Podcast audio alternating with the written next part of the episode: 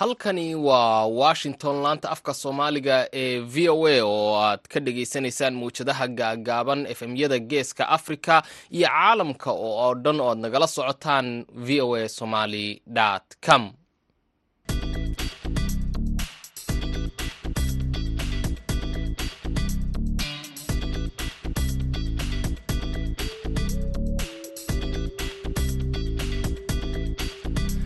duhur wanaagsan dhegaystayaal.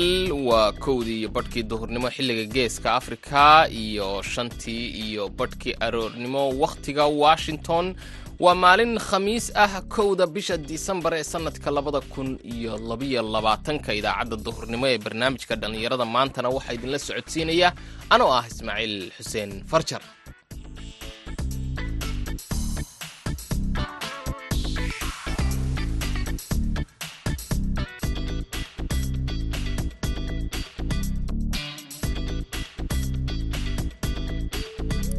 qodobada aan idinku hayno idaacaddayada duhurnimo waxaa ka mid ah qaybtii labaad ee waraysi aan la yeelanay suxufi dhallinyaro ah oo laba mar tahriibay kaas oo ka sheekaynaya dhibaatooyinka tahriibka.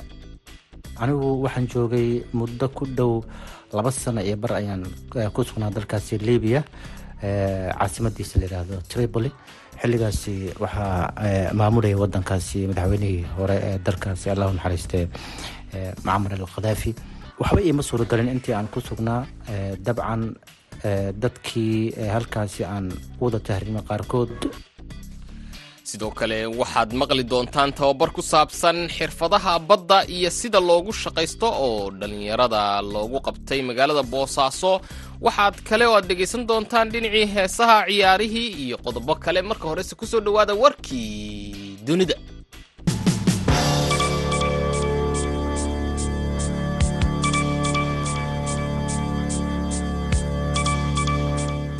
hogaamiyihii ururka daacish abu al xasan al haashimi al qurayshi ayaa la sheegay in uu ku dhintay dagaal dhowaan dhacay sida uu xaqiijiyey afhayeenka kooxdaas oo warbaahinta la wadaagay fariin cod ah oo la baahiyey arbacadii.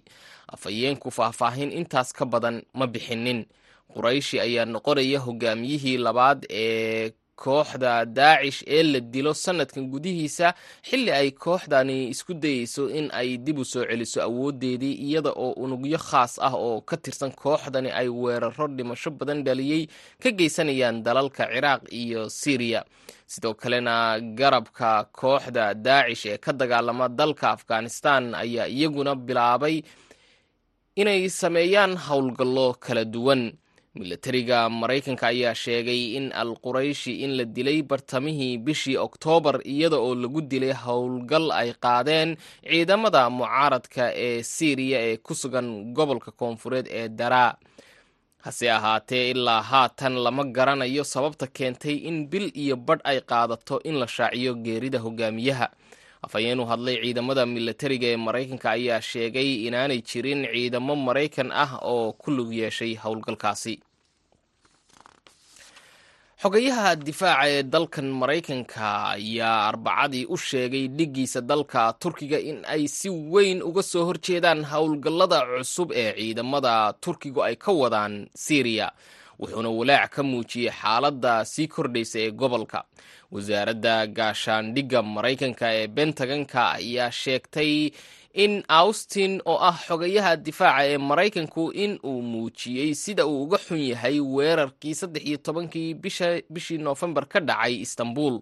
Waxa uu sidoo kale walaac ka muujiyey falalka sii kordhaya ee waqooyiga suuriya iyo turkiga oo ay ku jiraan duqaymo cirka ah oo dhowaan dhacay kuwaas oo qaarkood si toos ah halis u geliyey badqabka shaqaalaha maraykanka ee la shaqeeya saaxiibada maxalliga ah ee syriya si ay u jebiyaan kooxda isis ayaa lagu yidhi bayaanka wasaaradda difaaca ee maraykanka ee bentagonku ay soo saartay. Xogaye austin wuxuu ku baaqay in xiisadda la dejiyo wuxuuna la wadaagay sida xooggan ee ay bentagonku uga soo horjeedaan howlgalka cusub ee militariga turkigu ay ka wadaan syriya ayaa lagu yidhi bayaankaasi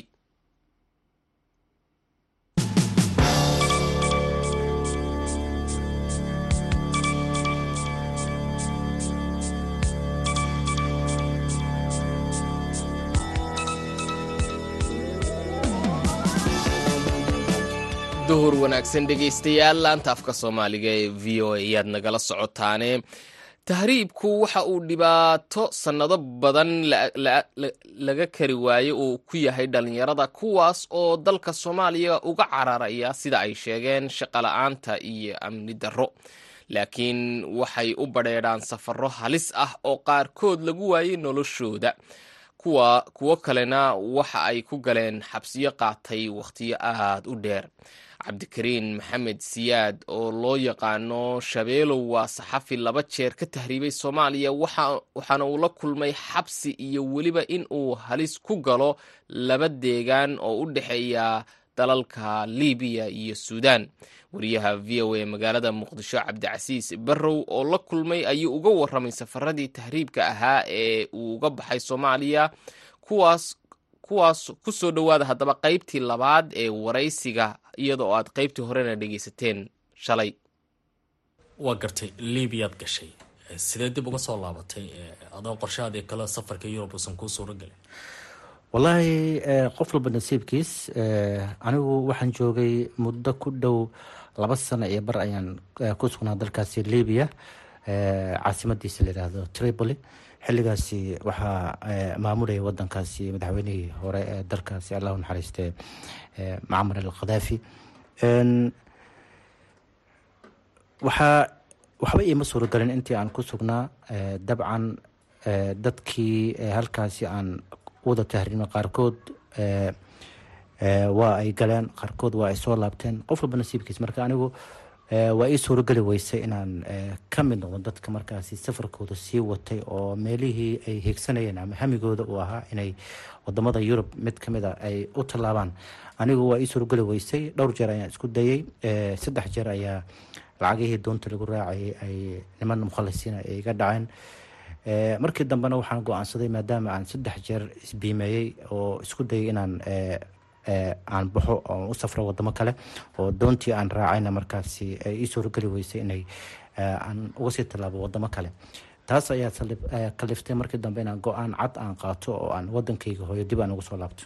Mar kale ayaad go'aansatay inaad haddana tahriib kala gasho wadanka south africa aad. Aado waxaad ii sheegtay inaad xabsi ku gashay muddo ku jirtay dalka tanzania bal qisadaas iyana ka waran cabdicasiisow waa runta markii safarkaasi tahriibka aan soo gabagabeeyey wadanka la yiraahdo libiya kadib waxaan bilaabay inaan haddana aan isku dayo inaan u tahriibo wadanka la yiraahdo south africa oo rag walaala ahaayo iga yaryar ay markaasi ku sugnaayeen oo ganacsiyo kala duwan ay ku lahaayeen. Raggaasi ayaa markaa igu dhiirigeliyay inaan markaa halkaan aan imaado oo aan markaasi wadankaasi aan soo galo laakiin wadanka south africa waxaa lagu gelayay safar dhinaca dhulka ah. Wayna adkeyd runtii in si sahlan markaasi wadankaasi lagu galo. Wadanka kenya ayaan ka baxay. Waxaan sii maray wadanka la yihahdo tanzania. Tanzania xeebaheeda markii aan sii marayno waxaa u sii gudubnay wadanka la yidhaahdo mozambique.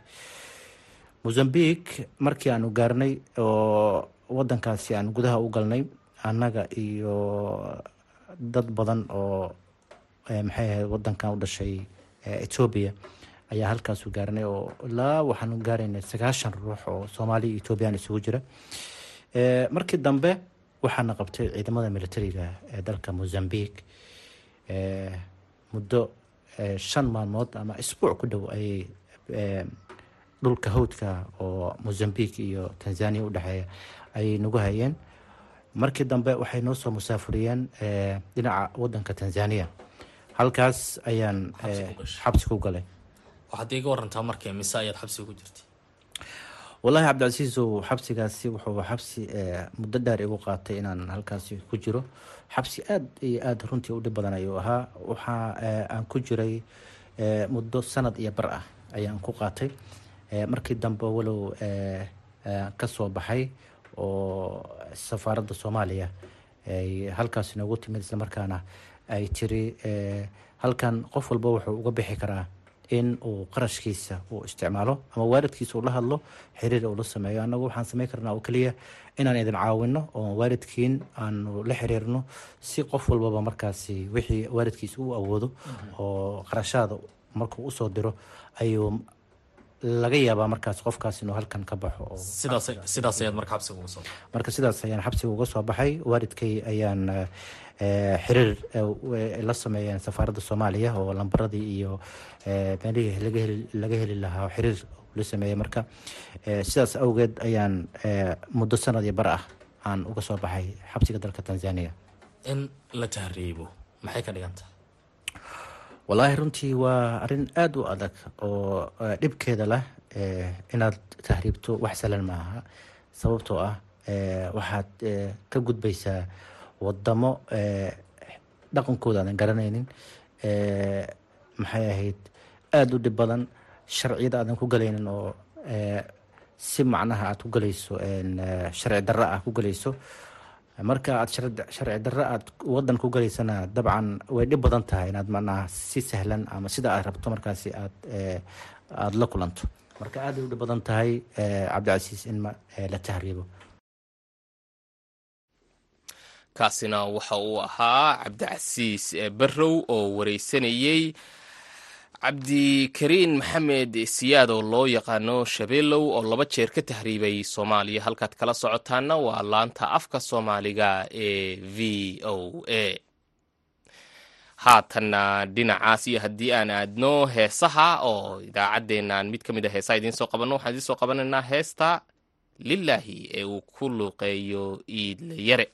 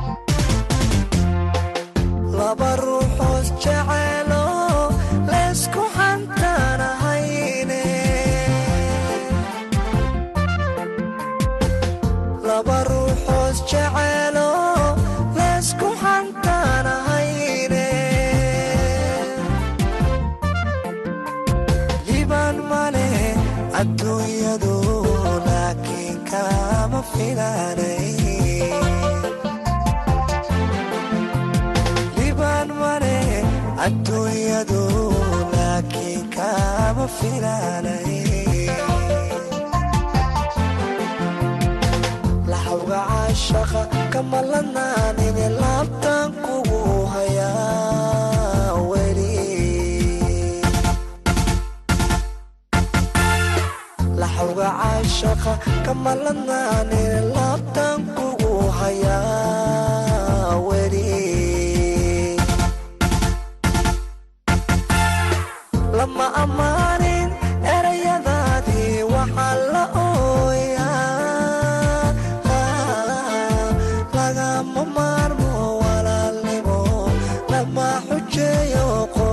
jecel lama ilaabo barashaadii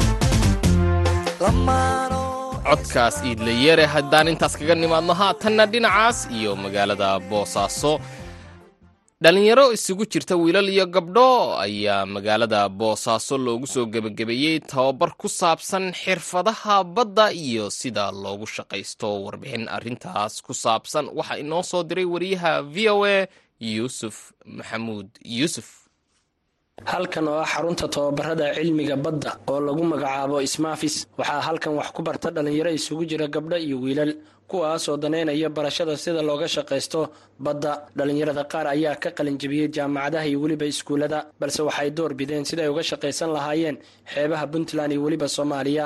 Waxaana la baraa sida shabaagta loo dhigo iyo weliba kaxaynta saxiimadaha halka dhallinyaro kale la baro sida shabaagta loo dhigto badda iyo weliba xirxirashadiisa si ay kalluunka ula soo baxaan. Halka dhallinyarada kale iyagana la baro kaxaynta iyo weliba jahaynta maraakiibta sidoo kale gabdhaha dhallinyarada ah ayaa iyagana halkan wax ku barta kuwaasoo la baro noocyada kalluunka iyo weliba dubistiisa si ay markii ay dubaan ugu iibgeeyaan suuqyada boosaaso si looga iibsado taasoo u ah shaqo abuur ay nolol maalmeedkooda iyo weliba midda qoyskooda ay kula soo bixi karaan. Gudoomiyaha macadka ismaafis maxamed maxamuud quluuxiya ayaan weydiiyey muhiimadda dhallinyarada ay u leedahay barashada xirfadda badda. Ujeedada loo asaas waxay ahayd macadka muxuu ahaa waarimaysda wararka kaa maadaama anagu aan sii galbanayno oo aanu dad waayeela noqonay odayaala baanu jeclaysanay dhallinyarada annaga inna bedeli doonta saraakiisha noqon doonta inaan wax barro. Taasaan u kaliftay inaan markaa markaas aynu macadkan furro. Macadkan waa macad iskax waqabsa lagu furay ilaa haddana iskax waqabsa weeye. Dhallinyarada waxaa la baraa ilaa sideed mataqaanaa subjects waxa la yihahdo waxaa ugu weyn navigationka oo badmaraynka mataqaanaa badbaaxidda la yihahdo waxaa ku xiga fisheries technology waxa la yihahdo marine environment waxaa la baraa seamanship sea survival. Waxaa la baraa boat building waxaa la baraa engineering waxaa la baraa wax alla wixii practical ah oo dabaashii ah xargihii ah duntii mataqaanaa shabaagtii si loo talay ah inta waa la baraa. Kadib anagu waxaan ku talagalnay inay noqdaan saraakiishii britain bedeli lahayd. Oo baddii wasaaradda mataqaanaa dekedaha iyo wasaaradda kalluumaysiga inay u shaqeeyaan inay iyaga laftooda iskaa wax u shaqaystaanoo ay inta doonye mataqaanaa samaystaan ay ku shaqaystaan haddii kale ay dowladda laftigeedu ay siiso dowladda puntland ay siiso doonyo ay ku shaqaystaan. Saasaan ugu talagalnay nadiifo siciid saytuun oo ka mid ah macallimiinta halkan iyadana gabdhaha ku barta farsamaynta kalluunka si ay ugu iibgeeyaan suuqyada boosaaso ayaa ii sheegtay in gabdho badan ay hadda halkan ka qalinjabiyeen islamarkaana ay ku shaqaystaan wixii la baray. Hadday meherad leedahay waa ka barnaa. Hadday gurijoog tahay sida kalluunka loo sameeyo oo noocyadiisa kala duwan kalluun aan saliid lagu samayn lafaha lama tuuro madaxa lama tuuro haragga lama tuuro waa la marqiyaa xirfadahaasaan barnay ku soo kordhinay. Marka waxaa ka faa'iidaystay ardayo badan oo waxaa jira ani aan baray waxaa kaloo jira gabdho kaloo anigu aan waxbaray oo xeebta kalluunka hadda ka shaqaysta. Waxaa jira arday waxaa jirta iyagu huteelo leh oo ka shaqaysta. Waxaa jira huteelo waaweyn oo magaalada lagu sameeya kalluunka oo annagu aan xirfadda barnay. Qaar ka mid a dhallinyarada halkan tababarka ku qaadanayay ee baranaya xirfadda farsamada badda ayaa docdooda ka waraystay waxay ku doorteen barashada shaqada badda. Magacaygu waa cabdimajiid maxamuud yuusuf. Waxaan ahay arday dhigtaa kuliyadda macadka ee culumta ee badda ee magaalada boosaaso kuliyaddan waxaan ku doortay markaan fiiriyey probability ardayda hadda jaamacadaha iskuullada ka soo baxay. Badankoodu waxay galeen siiba habluhu waxay galeen caafimaad inamadiina waxay u bateen kuliyadihii basic ah mataqaana i t-gii iyo i t-gii iyo mataqaana public administration. Marka waxaan ogaaday kuliyadda in baahi loo qabo. Baahidana ciddii mataqaanaa u soo dhicin lahayd oo u hagarbixi lahayd inaan noqdo un baan u doortay. Si wanaagsan waa ku shaqaysan karaa.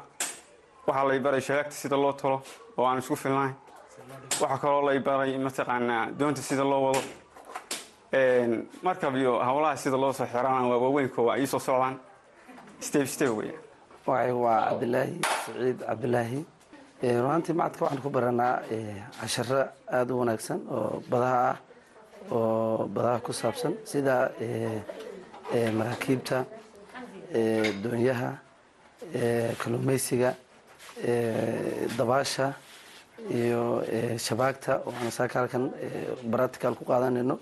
Hore waxaa ka aaminsanaa dee waxaana jirin oo baddu anfaciyo waxba aanan lahayn laakiin hadda markaanu tagna waxaanu ogaanay inay meeshu tahay dee meel aada u horumarsan wax badanna ka faa'idayno insha allah. Sidii shiine xaaji cabdicasiis aa la dhahaa.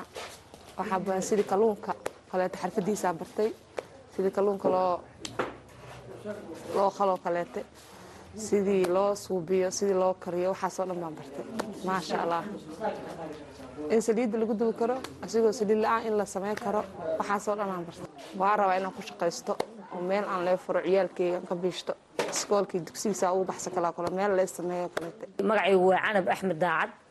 Waxaan ahay dadkii tababarada hore uga soo qaatay sagaalo bilood ilaa sanad intii u dhexaysay waxaan bartay kalundubowga waxaan bartay in la muufeeyo waxaan bartay in noocyo badan la kariyo oo maraq laga sameeyo noocyo badan oo kala duwan. Baan bartay awal laakiin marka hore waxaan ka aaminsanaa inaan waxbaba kalluunka la shiilo bes waxna aanu cid u qaban karin.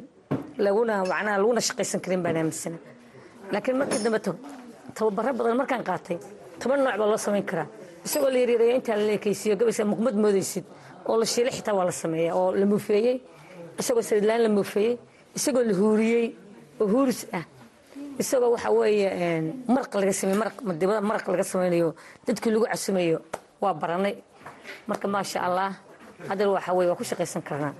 Macadka barashada xirfadda badda ee boosaaso ayaa waxaa halkan barashada badda iyo noocyada looga shaqaysto xeebaha puntland lagu baraa wiilal iyo gabdho oo qaarkood badan ka qalinjabiyey jaamacadaha iyo weliba iskuullada kuwaasoo u arka fursad ay kaga shaqaysan karaan badda sida ay ugala soo bixi lahaayeen noocyada kalluunka iyo weliba kaxaynta maraakiibta taasoo ay u arkeen fursad ay kaga bixi karaan shaqo la'aanta haysata dhallinyaro badan.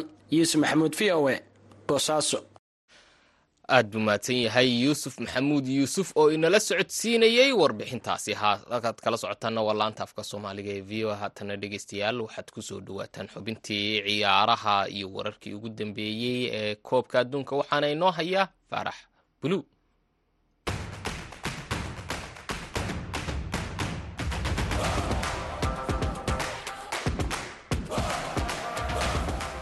kulanti wanaagsan dhegaystayaal meel kastoo aad joogtaan kuna soo dhowaada xubinta ciyaaraha ee maanta. Aan ku bilownaya koobka adduunka ayaa weli si xiise la uga socda waddanka qatar waxaana maanta la ciyaari doona kulamadii ugu dambeeyey ee qaybaha e iyo f.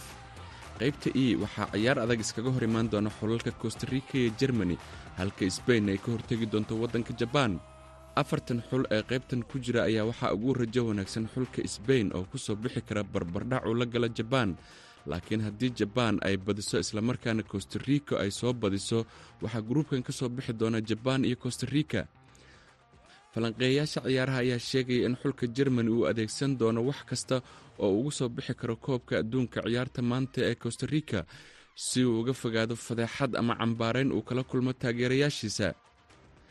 Tababaraha xulka jermani hansi flig ayaa sheegay inuu ku kalsoon yahay ciyaartoydiisa islamarkaana uu u soo bixi doono wareegga lix iyo tobanka ee koobka adduunka. Ciyaartan xulalka jermani iyo kostariko ayaa sidoo kale noqonaysa mid ay taariikh ku sameeyaan gabdhaha garsoorayaasha ee fifa waxaana markii ugu horreysay taariikhda koobka adduunka ay dhammaan garsoorayaasha ciyaartaani ay noqon doonaan haween. Waxaa sidoo kale maanta la ciyaari doonaa kulamada qaybta f kanada oo xaqiiqsatay inay ka harta koobka adduunka ayaa la ciyaari doonta xulka morocco halka biljamkana uu la ciyaari doono waddanka kroweshiya morocco ayaa xisaab ahaan ku soo bixi karta guul ama barbardhac ay la gasha kanada laakiin guuldarro culus oo afar gool iyo wax ka badan ah haddii ay kanada ku soo badiso waxay keeni kartaa farqiga goolasha inay ku lumiso morocco rajadeeda u soo bixitaanka koobkan waase haddii biljamka uu barbardhac ka helo ciyaartiisa kroweshiya laakiin morocco oo sanadkan soo bandhigtay qaab ciyaareed cajiib ah islamarkaana labiyi eber uga soo badisay xulka beljamka ayay u muuqataa inay u soo bixi doonto koobkan.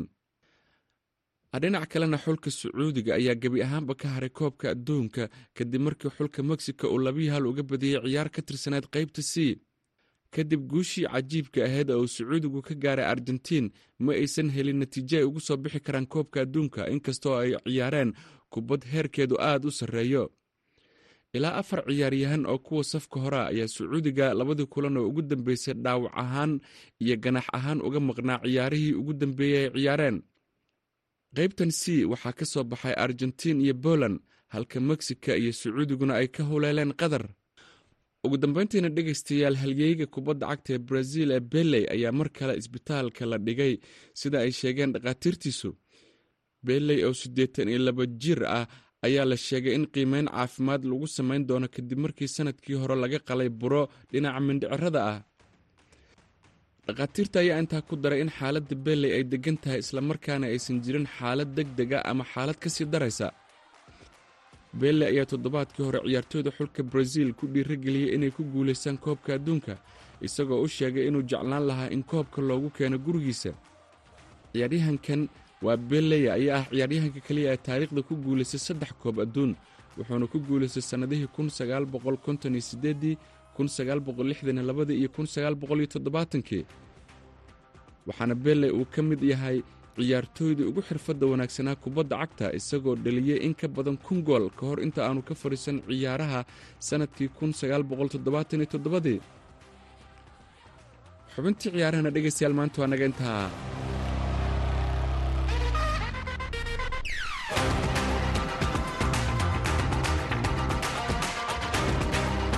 aad buu umahadsan yahay faarax oo inala socodsiinayey xubinta ciyaaraha iyo wararkii ugu dambeeyey ee ciyaaraha koobka adduunka ee ka socda dalka qatar. Haatanna gebagabada idaacadda ayaan ku sii siqaynaaye. Dhinacii heesaha ayaan mar kale ku nasan doonaa waxaana ku soo dhowaataan hees uu ku looqeeyo fanaanka fu'aad xamaraawi